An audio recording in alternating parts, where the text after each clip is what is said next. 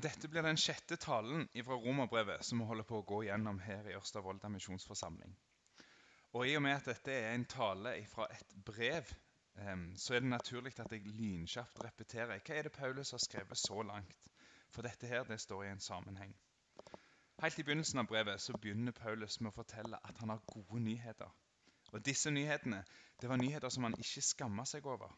Fordi disse nyhetene i seg sjøl hadde kraft til å frelse mennesker og sette mennesker fri. Etterpå så begynner Paulus å snakke om hvorfor vi som er mennesker har behov for gode nyheter. Jo, det er fordi vi har synda, og så har vi vendt oss vekk fra Gud. Og i vår synd så er vi under Guds rettferdige dom. Og så er det denne dommen som vi trenger frelse fra. Etter å ha sagt det, så bruker Paulus tid på å forklare de av oss som tenker at ja, ja, men det er vel strengt at de andre som har mest behov for Guds frelse. Der bruker Paulus tid på å forklare at vi tar grundig feil. Alle mennesker har behov for frelse. Og det er her Paulus fortsetter. Han begynner med å oppsummere det han har sagt, og så går han videre for å fortelle om ei anna rettferd. Og det er emnet vårt i dag. For at vi skal kunne orientere oss litt underveis, så kan jeg si at dette blir de punktene som vi skal gå gjennom. Vi skal se at Paulus han setter først to streker under at det ikke er noen rettferdig. Deretter så skal vi se at Gud noen ganger kaller oss til å tie, til å være stille. Og så skal vi stoppe opp med ei anna rettferd før vi til slutt skal spørre oss hva gjør dette med oss? Denne sannheten som Gud legger inn over oss, hva gjør den med oss? Hva er konsekvensene i våre liv? Før vi leser teksten, så ber vi i lag. Kjære Jesus, jeg vil be om at du må lære oss noe ifra dette brevet. Lære oss noe fra ditt ord som kan eh, bli til tru, frelse, frimodighet. Det ber jeg om Jesus i ditt navn. Da leser vi fra Romerbrevet kapittel 3 og vers, fra vers 9. Hva skal vi si til dette? Har vi jøder noen fordel framfor andre?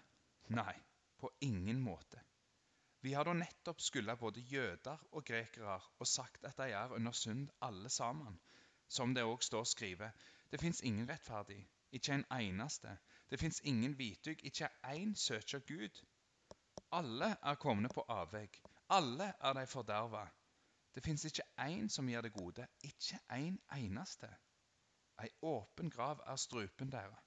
På tunga ligger falske ord, og under leppene ormegift. Munnen er full av forbanning og harde ord. Lette er de på foten når de vil ause ut blod. Der de fær, er det ødelegging og nød. Og freds vei kjenner de ikke. Frykt for Gud har de ikke for øye. Vi vet at alt det lova sier, det sier hun til de som har lova. Så hver munn skal teie, og hele verden står skyldig for Gud. Ikke noe menneske blir rettferdig for Gud pga. gjerninger som lova krever. Lova gjør bare at vi lærer synda å kjenne. Men nå er Guds rettferd, som lova og profetene vitner om, åpenbara utenom lova. Dette er Guds rettferd, som blir gjeven ved trua på Jesus Kristus til alle som tror. Her er det ingen skilnad, for alle har synda og mangler Guds herligdom. Men ufortjent og av Hans nåde blir de kjente rettferdige, frikjøpte i Kristus Jesus. Han har Gud stilt synlig fram, så han med sitt blod skulle være soningsstaden for de som tror. Slik viste Gud sin rettferd. For han hadde før i sitt tålmod halve straffa tilbake for de syndene som var gjort. Men i vår tid vil han vise sin rettferd, både at han sjøl er rettferdig, og at han sier rettferdig den som tror på Jesus. Hva har vi da å være stolte av? Ingenting. Etter hva lov? Lov om gjerninger? Nei, lova om tru. For vi hevder at mennesket blir rettferdige ved tru uten lovgjerninger? Eller er Gud bare Gud for jødene? Er han ikke Gud for de andre folka òg? Jau, for de òg. For Gud er én, og han som rettferdiggjør de omskårne av tru, og de uomskårne ved den samme trua. Opphever vi da lova? Langt ifra. Vi stadfester lova. Som en oppsummering og for å sette et endelig punktum så siterer Paulus fra en mengde tekster i Det gamle testamentet. Disse tekstene de slår fast at mennesker ikke søker Gud, og mennesker er ikke rettferdige. Verken jøde eller greker. Verken de som kalles Guds folk, eller de som ikke kjenner Gud. Det fins ingen rettferdig, ikke en eneste. Det fins ingen hvitug, ikke én som søker Gud. Alle er komne på avveg, alle er de forderva. Det fins ikke én som gjør det gode, ikke en eneste. Ei åpen grav er strupen deres, og på tunga ligger falske ord. Under leppene ormegift. Munnen er full av forbanning og harde ord. Lette er de på foten når de vil ause ut blod. Der de fær, er det ødelegging og nød, og freds veg kjenner de ikke. Frykt for Gud har de ikke for øye. Jeg syns det er voldsomt kraftige ord som blir brukt her av Paulus. Og jeg kan kjenne på at dette er noe jeg reagerer på. Altså, Det er greit nok, munnen min sier ikke bare det som er bra. Men ei åpen grav? Ormegift? Hvis jeg skal være helt ærlig, så er ikke det de første ordene jeg tenker på når jeg skal beskrive munnen min. Men så er det egentlig fordi jeg ikke skjønner alvoret over synd. Etter ormegift og åpen grav så står det om falske ord, forbanning og harde ord. Og Der tror jeg vi må erkjenne at hver og en av oss har en munn som er tilbøyelig til både å forbanne andre mennesker, til å lyge og til å bruke harde ord. Gud, han vet hva disse ordene våre gjør mot hans skapninger. Og han kaller det for ormegift og stank når sånt skjer. Gjennom dette avsnittet så vil Paulus forklare oss mennesker. Mennesket er etter syndefallet som en bil med en ødelagt hjulstilling. Om veien det er å søke Gud, tilbe Han, tjene Han og leve et hellig og rettferdig liv, så har vi ei så skakkskjørte hjulstilling som enten vil dra oss ut i grøfta, eller over i feltet med imøtekommende trafikk. Vi har alle forutsetninger for å krasje. Vi må gjøre alt vi kan for å holde oss på veien. Og så sier Paulus at i utgangspunktet så prøver vi ikke på det engang. Vi prøver ikke å holde oss på veien. Hvis du er litt sånn som meg, da, så er det noe i deg som vrenger seg litt når du hører det. Det er en del av oss som har lyst til å kunne si Eh, sånn er jeg ikke. Jeg er nå bedre enn mange andre, jeg. Og det kan godt hende. At du er bedre enn mange andre, altså. Men rettferdig, det er du ikke. Om bare halvparten av alle vi som tenkte at vi var rettferdige, hadde vært det, så ville den verden som vi lever i, den ville sett helt annerledes ut. Det hadde vært færre fattige. Det hadde vært færre fengsel. Det hadde vært færre dørlåser, færre dødsfall, færre mobbeoffer, færre søksmål, færre kriger, færre ødelegginger, færre stygge kommentarer, færre stygge kommentarfelt. Menneskets tilbøyelighet er ikke å være rettferdig, men tvert imot så er menneskets tilbøyelighet din og min tilbøyelighet. Det er å karre til oss det vi kan, og gjøre alt vi kan for at jeg skal ha det bra om det så er på bekostning av andre. Det fins ingen rettferdig, ikke en eneste. Det viser Guds lov. Og Guds lov, som Paulus refererer til, det er alle de bud som Gud kommer med til oss mennesker. Det Gud har sagt til oss om hvordan vi skal leve. Hvordan du skal oppføre deg mot dine medmennesker, og hvordan du skal oppføre deg som et menneske under Gud. Guds gode lov, rammene for det gode livet i hans skaperverk. Nå skal ikke vi lese hele loven, Men når Jesus skal prøve å si hva Guds lov er, da sier han Du skal elske Herren din Gud av hele ditt hjerte og av hele ditt sjel, hele din sjel og av alt ditt hvit. Dette er det største og første bådet, men det andre er like stort. Du skal elske nesten din som deg sjøl. På disse to båter hviler hele lova og profetene. Når Paulus nå skriver, så sier han dette sier Jesus for at du skal bli stille. For at du skal innse at dette får jeg ikke til. Jeg har ikke gjort dette. Dette passer ikke som en overskrift over livet mitt, at jeg elsker Gud over alt og min neste som meg sjøl. Og så skal du bli stille og forstå at du, som alle andre mennesker, står skyldige innenfor Gud. Grunn på disse ordene. Jeg skal lese dem en gang til, og så skal vi gi oss ett minutt til å helt konkret være stille hver for oss og lese det som Jesus her sier i Matteus 22, 37-40. Basisen for hele loven, alt det Gud har sagt. Han svarer, du skal elske Herren din Gud av hele ditt hjerte og av hele din sjel og av alt ditt hvit. Dette er det største og første både, men det andre er like stort. Du skal elske nesten din som deg sjøl. På disse to båda hviler hele lova og profetene. Vi gir oss tid til å grunne på det.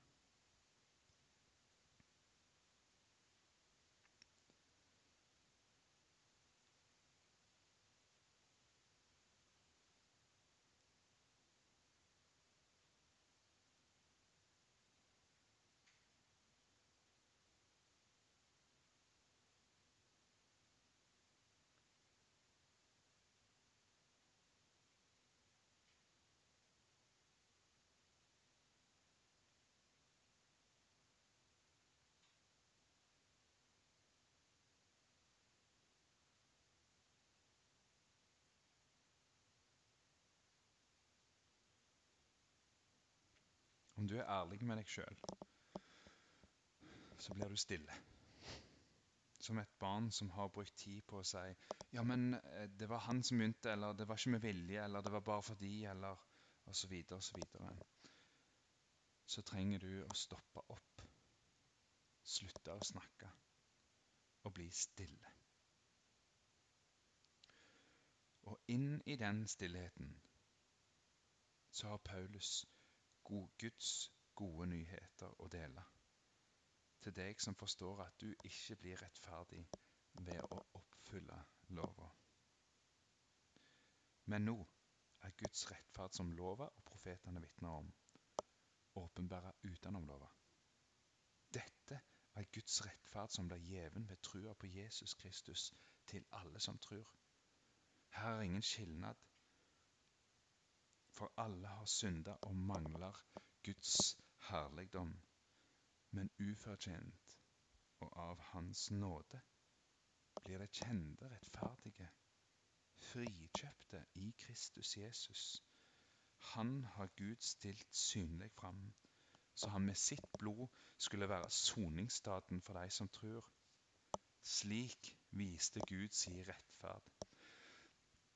Du skjønner, du trenger å bli stille for at du skal høre hva Gud sier. Du trenger å stoppe opp for å få med deg det som han vil vise deg. Den rettferdigheten som du ikke klarer å oppfylle, den vil han gi deg. Gjennom Jesus Kristus ved tru. Den dagen Jesus hang på korset, så kjøpte han fri hver og en som tror på han. Han kjøpte oss fri fra synda, og så ga han oss si rettferd. Og her står det Han har Gud stilt synlig fram, så han med sitt blod skulle være soningsstaten for de som tror. Slik viste Gud si rettferd. Og Her er det litt teknisk, men dette ordet soningsstaten det er et uttrykk fra Det gamle testamentet.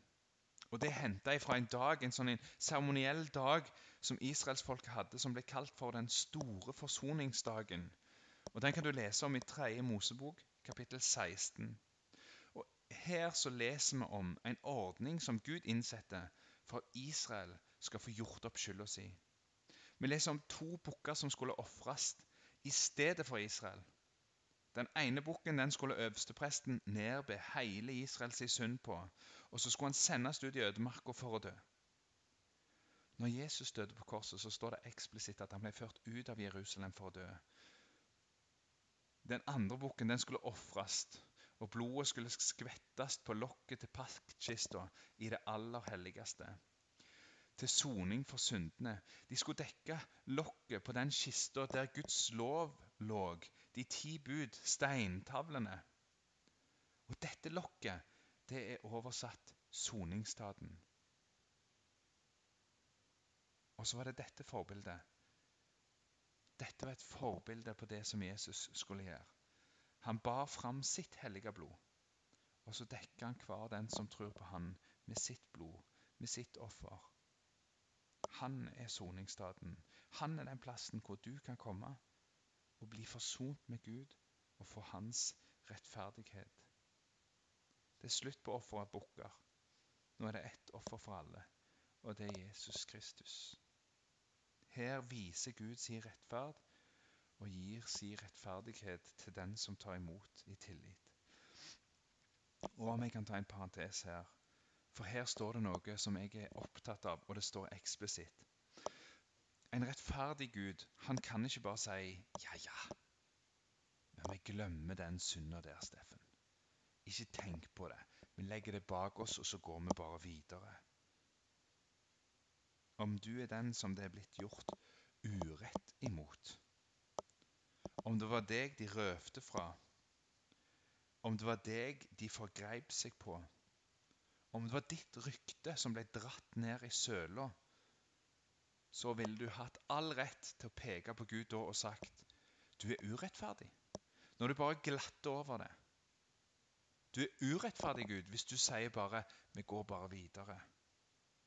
Og Derfor så ser vi at Gud aldri, aldri, aldri glatter over synd. Synda den blir sona. Straffa det blir gitt enten her på korset, der Guds dom over alle ugjerninger blir synlig. Det er om ugjerningsmannen har tatt sin tilflukt til Jesus. Om ikke, så må ugjerningsmannen en dag ta den straffa sjøl. Men i vår tid vil han vise sin rettferd, både at han sjøl var rettferdig, og at han sier rettferdig den som tror på Jesus. Det er ei helt ekte straff som Jesus lir i stedet for deg på korset.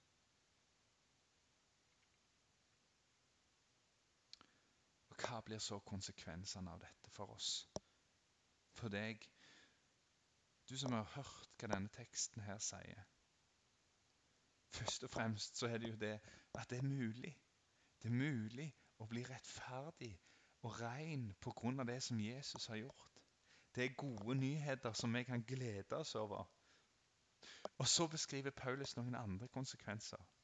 Og Det første det er dette. Dette betyr at du som er kristen, du som tror på Jesus, du har ingenting å være stolt av. Du kan ikke si 'flinke meg som skal til himmelen'.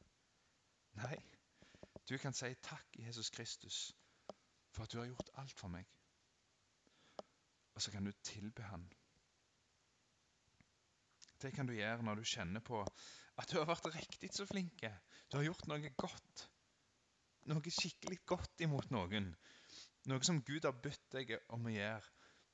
Da kan du si takk, Jesus Kristus, for at det ikke var denne gode gjerningen det sto på, men at du med ditt perfekte liv frelste meg. Og så kan du gjøre det når du sitter der skitten og urein fordi du har gjort noe du visste var galt. Du har gjort noe som, som ikke skulle skje, og du visste det. Da kan du si takk, Jesus Kristus, for at jeg har fått alt i deg. At du har tatt dette. At du har tatt straffa for det og frelst meg. Og så kan du tilbe Han, din Herre og Frelser. Og så kan du se til din neste, hver og en. Den største slasken og den frommeste helgen du vet om. Og så kan du vite at Gud, han er den som rettferdiggjør begge to. Hans nåde er det de har behov for begge to, og det er nok for begge. Din nabo, din fiende, din venn og din familie kan bli rettferdiggjort ved tilliten til Jesus. Og så er det sånn at Guds hellige lov er ikke lagt til side med dette. Den er bekrefta. Om Guds lov ikke gjaldt lenger, så hadde ikke Jesus trengt å komme for å dø på et kors. Men loven den blir bekrefta på korset. Gud er hellig. I det neste kapittelet, som kommer neste gang vi skal til romerbrevet, så griper Paulus tak i hva er tru, ved å vise oss hvordan Abraham trodde. Hva er tru? Hva er denne tilliten som vi blir frelst med? Det er temaet for neste tale i romerbrevet. Takk, Herre Jesus, for din fullkomne rettferdighet. Takk for at du så hvert et menneske. Takk for at du gjorde det som var godt. Takk for at du sto opp for rettferdigheten. Og takk, Herre Jesus, for at du døde på korset. For oss frivillig, for at vi skulle få din rettferdighet når vi har tillit til deg. Amen.